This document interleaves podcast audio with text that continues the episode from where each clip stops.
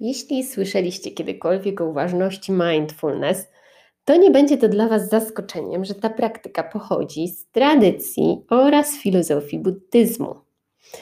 No też może hinduizmu, bo tam też są różne techniki medytacyjne.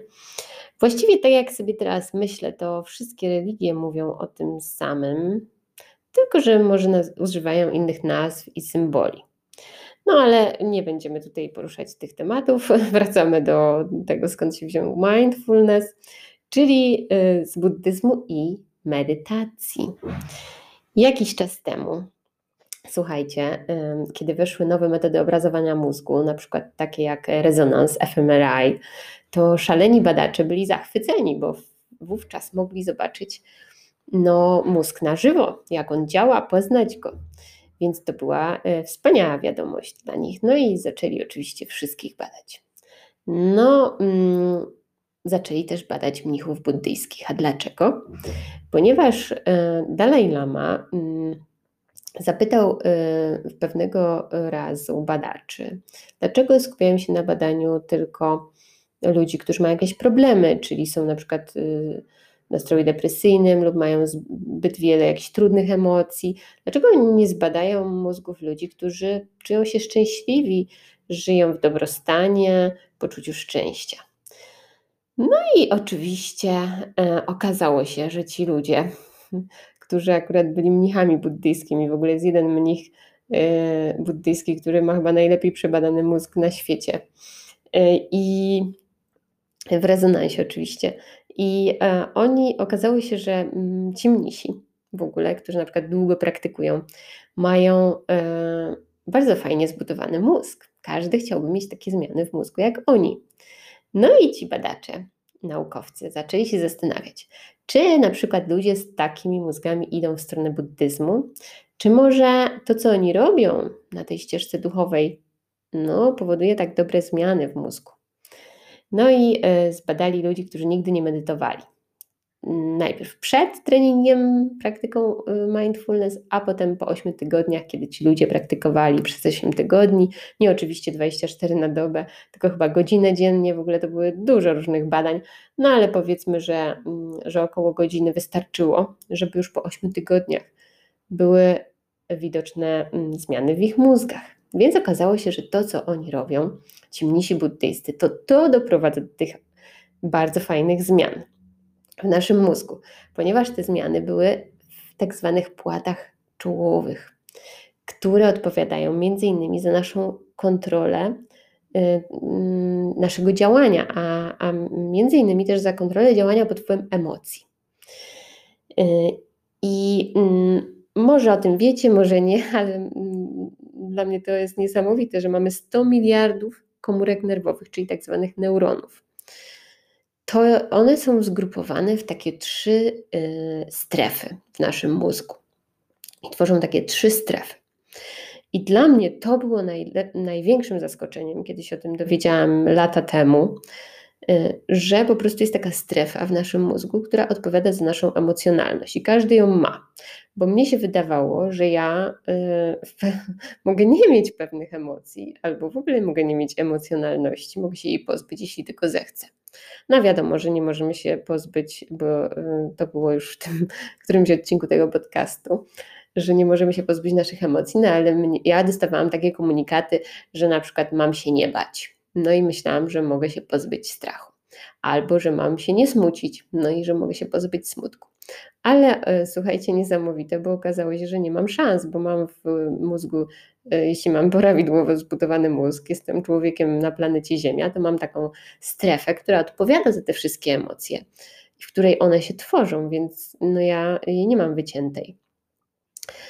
E, no to ta pierwsza strefa to jest strefa odpowiadająca za takie nasze mm, mm, działania naszego organizmu, właściwie nie nasze, które nie podlegają świadomej kontroli, czyli to jest na przykład oddychanie, ciśnienie krwi, wyrzut różnych hormonów do krwi, no i wtedy mm, po prostu nasz mózg to kontroluje, nasze ciało to robi i my nie musimy na to zwracać uwagi.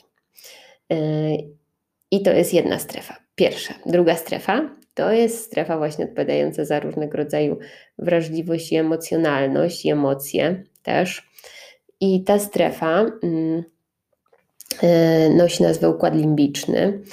E, w tej strefie mm, po prostu tworzą się emocje bez naszego świadomego udziału. No i dlatego właśnie to nie jest możliwe ich nie mieć.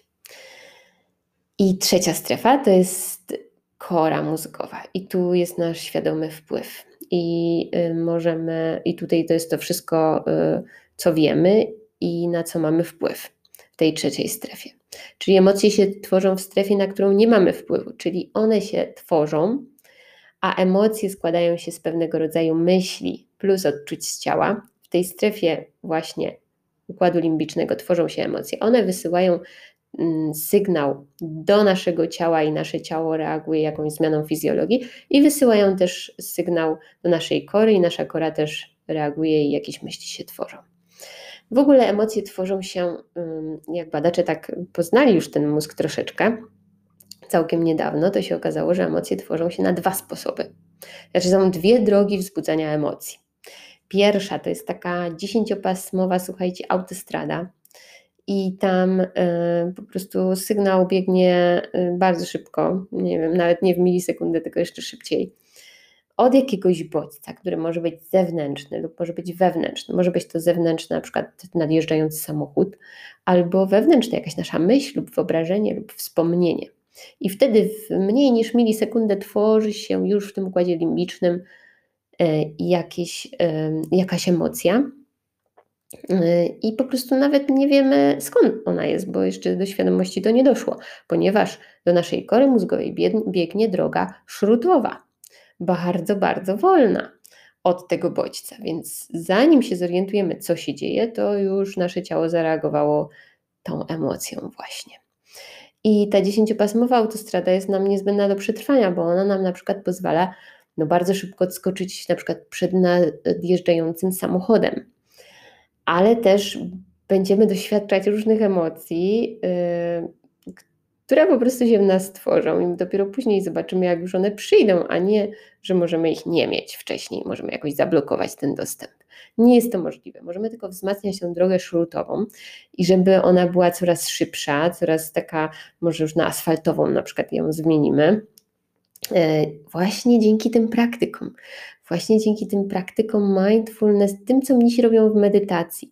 I oni ciągle, oni to długo w ciągu dnia, kilka albo kilkanaście godzin dziennie ćwiczą tą drogę i mają te dobre y, zmiany w tych płatach y, czołowych, czy nawet przedczołowych y, dokładniej. I tam właśnie ta droga staje się coraz szybsza i mogą szybciej zauważyć, kiedy ta emocja się tworzy i mogą zadziałać inaczej, niezgodnie z tą emocją. Więc to jest ta moc, to jest to, o co nam chodzi.